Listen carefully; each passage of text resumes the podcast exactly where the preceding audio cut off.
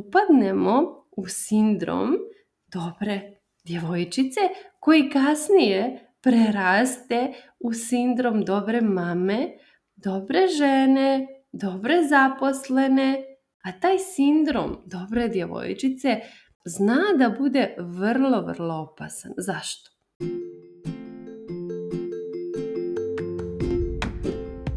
Dobrodošla u novu epizodu mog podcasta u kome se bavimo ličnim razvojem i radom na sebi. Ja sam Dragana Potpara i svojim primjerom ti pokazujem kako da izabereš sebe i zaživiš svoj puni potencijal. Udovoljavanje drugima i kako da prestaneš da budeš people pleaser. Sigurna sam da slušaš ovo danas zato što jesi people pleaser, zato što previše udovoljavaš drugima gazeći preko sebe i želiš da čuješ neke tehnike i alate i metode kako to da prestaneš da budeš. Kao što znaš kako se lotimo nekog e, problema, tako što uvijek nađemo njegov uzrok i njegov izvor. Ako sam upotrijebila slovenačku riječ, lotitica, mislim da jesam, kako mi kažemo, kako se uhvatimo, tako, dohvatimo, što god. Uhvatimo u koštac sa nekim problemom, tako što se vratimo unazad i pronađemo uzrok i izvor gdje je taj problem nastao. I sada treba da se vratimo u djetinstvo, naravno, gdje nastaju mnogi neki naši obrasci, što misaoni, što obrasci ponašanje. Jer naravno iz tih naših mentalnih obrazaca proizilazi naše ponašanje, proizilaze naše akcije, izbor i odluke. I ti obrazci misaoni i obrazci ponašanja su obično ukorijenjeni i obično su nastali u našem djetinstvu. Pa tako i ovaj, tako i ova naša potreba da udovoljavamo drugima i da budemo people pleaser. E sad, Šta rade djeca u djetinstvu? Djeca tada kada nisu još uvijek samosvjesne i zrele i samostalne osobe zavise od ljubavi i od pažnje svojih njegovatelja, ali tako, što su prvenstveno roditelji, zavise od tog nekog svog primarnog okruženja i u tom svom primarnom okruženju traže tu pažnju i ljubav u nekim zdravim odnosima roditelja i djece gdje je prisutan zdrav odgoj, kada dijete je obasuto ljubavlju i pažnjom, ali uprkos tome će se ipak događati trenuci kada to dijete osjeća neku nepovezanost, kada ima potrebu za usklađivanjem i za povezivanjem sa roditeljima, kada ima dodatnu i povećanu potrebu za ljubavlju i pažnjom. I onda to dijete napravi neki gest, uradi nešto, a to nešto onda izazove pohvalu ili naklonost ili privuče pažnju roditelja. Ili to dijete vidi da da mu roditelji sad pružaju još um, ljubavi, da su nekako blago nakloniji prema njemu i onda je to vrlo opasna zamka u koju većina djece upadne zato što onda vidi ok, samo u sebi tako povezuje stvari i kaže dobro, znači kad ja pravim tu i tu i tu akciju, moji roditelji meni posvećuju više pažnje i pružaju mi više ljubavi. Kada ja upadnem u tu definiciju dobre djevojčice, je li tako šta očekuju moji roditelji od mene i šta očekuje okruženje od mene, ja ću tada dobijati više pažnje, više ljubavi. I sad naravno malo dijete kako ima ogromnu potrebu za tom pažnjom i ljubavlju koju traži konstantno s polja, zato što mi tada u tom najranijem formativnom periodu još uvijek ne znamo da pronađemo tu ljubav u sebi, nismo svjesni svoje neke vrijednosti i onda tražimo tu ljubav i vrijednost s polja. Konstantno nam je potreban upliv sa strane i dolivanje te ljubavi koja dolazi od spolja.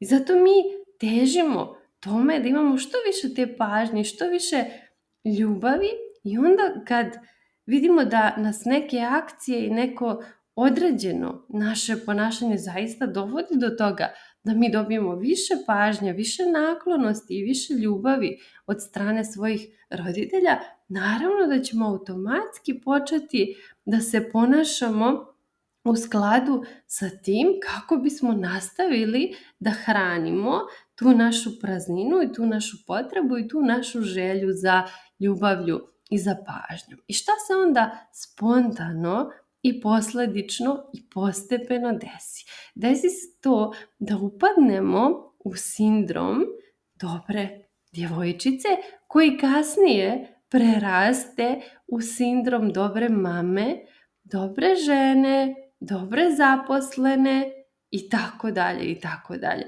A taj sindrom dobre djevojčice zna da bude vrlo vrlo opasan. Zašto?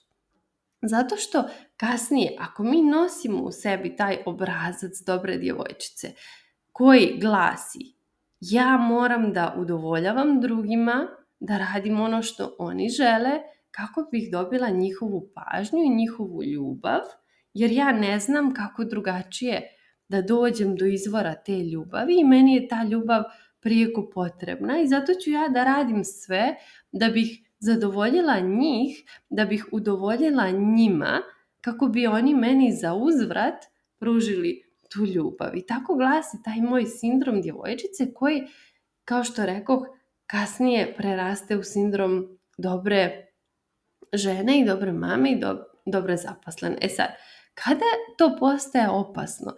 To postaje opasno kada mi odrastemo ili u našim tinejdžerskim godinama, na primjer kada još nismo samostalne i stabilne ličnosti i kada smo, na primjer, u nekom toksičnom društvu. I to društvo nas zove da idemo negdje gdje mi ne želimo.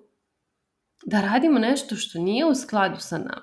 Evo primjer da, da pijemo, da pušimo, da, da, da radimo neke stvari koje su protiv onoga ko smo mi zaista, koje nas i ne ispunjavaju. Iako to svi rade, ali kada to društvo traži to od nas, mi ako nosimo ovaj i živimo ovaj sindrom dobre djevojčice, mi ćemo to da prihvatimo.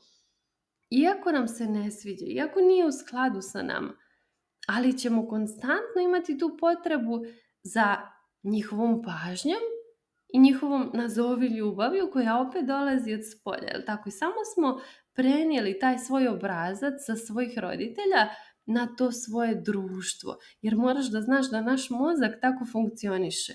Kada on usvoji neki obrazac, on ga samo preslikava na svaki segment tvog života. I sad ovaj obrazac koji je tvoj mozak usvojio u odnosu sa tvojim roditeljima, tvoj mozak će da preslikava taj obrazac na sve tvoje odnose.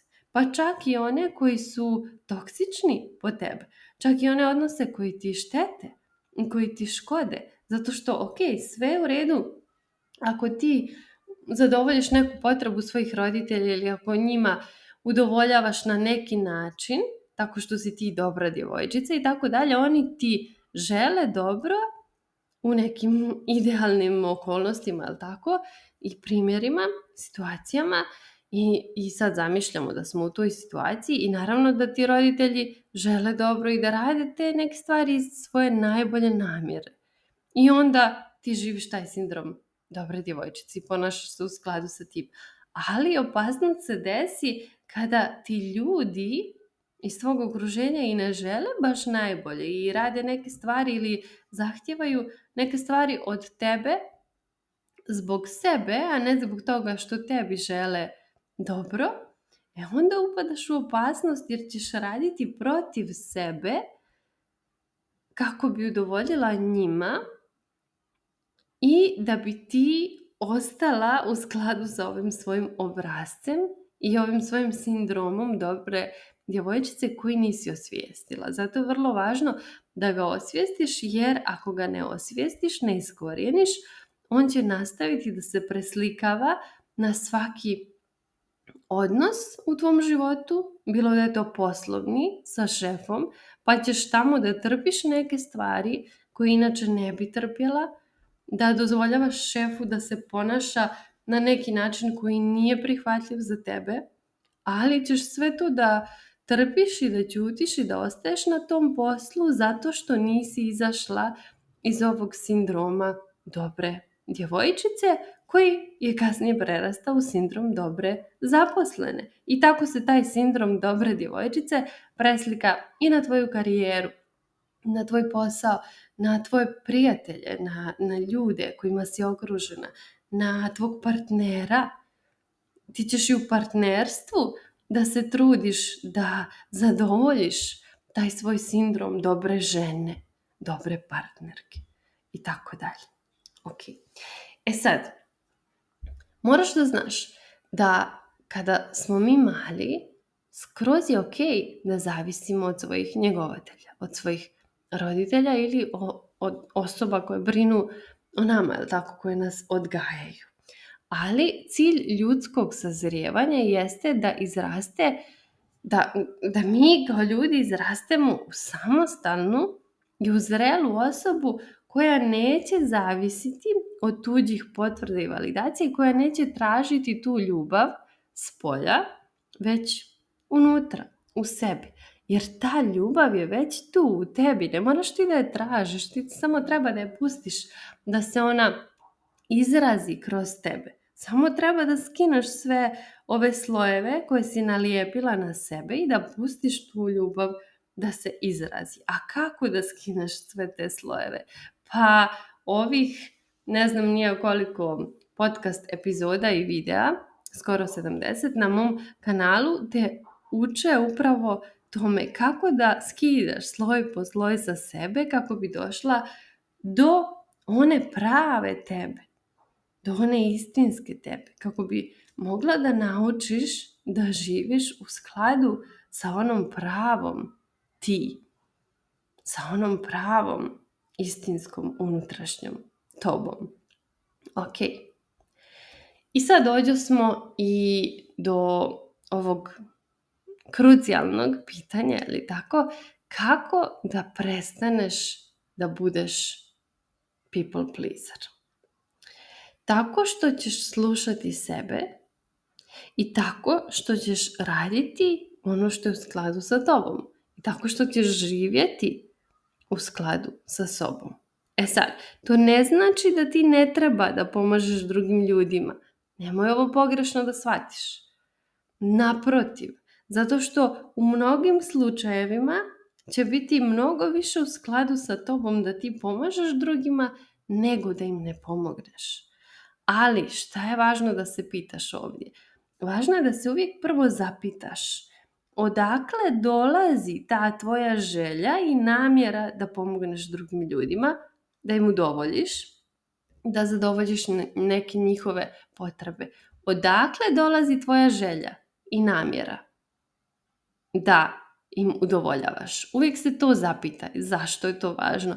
Pa zato što ako ta tvoja želja i namjera dolazi iz tvog unutrašnjeg bića, ako je to zaista što nešto što će i tebe da ispuni, nešto što je zaista u skladu sa tobom, što ti stvarno želiš, to je skroz ok. Nastavi da im pomažeš. Ali ako ovo tvoje udovoljavanje drugim ljudima proizilazi iz tvoje potrebe za tuđom validacijom, za tuđom e, potvrdom tvoje vrijednosti, za tuđom pažnjom, ljubavlju koja, koja nije ona zdrava potreba, nego, nego je ona potreba koja proizilazi iz tvog sindroma, dobre djevojčice, onda to nije ok. Ako ti udovoljavaš drugim ljudima zato što si gladna za tom pažnjom i tom ljubavlju, zato što ti je to toliko potrebno jer nisi doživjela ovaj kompletni razvojni proces samosazrijevanja. Nisi postala samostalna ličnost, stabilna ličnost, nezavisna, Ličnost koja je naučila da tu ljubav crpi iz sebe i da je širi, da izražava, da je daje drugima i da joj se na taj način ta ljubav vraća i reflektuje kroz druge ljude i opet dolazi do nje. Ako ti nisi završila prirodno i zdravo taj proces samosazrijevanja, onda naravno da ćeš i dalje i u svojim 20., 30., 40. godinama ti da živiš kao mala djevojčica. Jer to je ono što male djevojčice radi, ali tako, udovoljavaju drugima da bi dobile tu pažnju i ljubav i potvrdu vlastite vrijednosti. I ti sa svojih 25, 30, 35 godina nastaviš, nastavljaš i dalje da živiš prema tome jer nisi osvijestila da je to tvoj obrazac, da to nisi ti, da to nije tvoje unutrašnje biće. A kako to znaš? Pa tako što se osjećaš loše kada udovoljavaš drugima, gazeći preko sebe.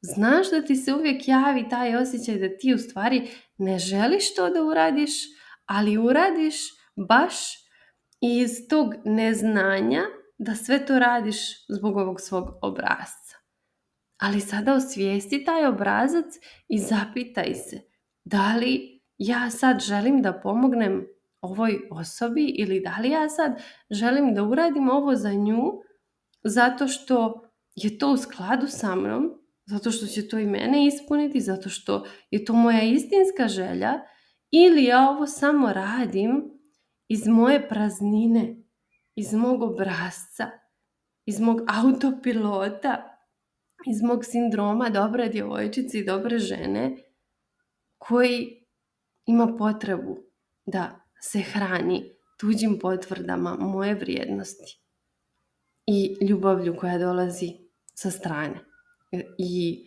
s polja.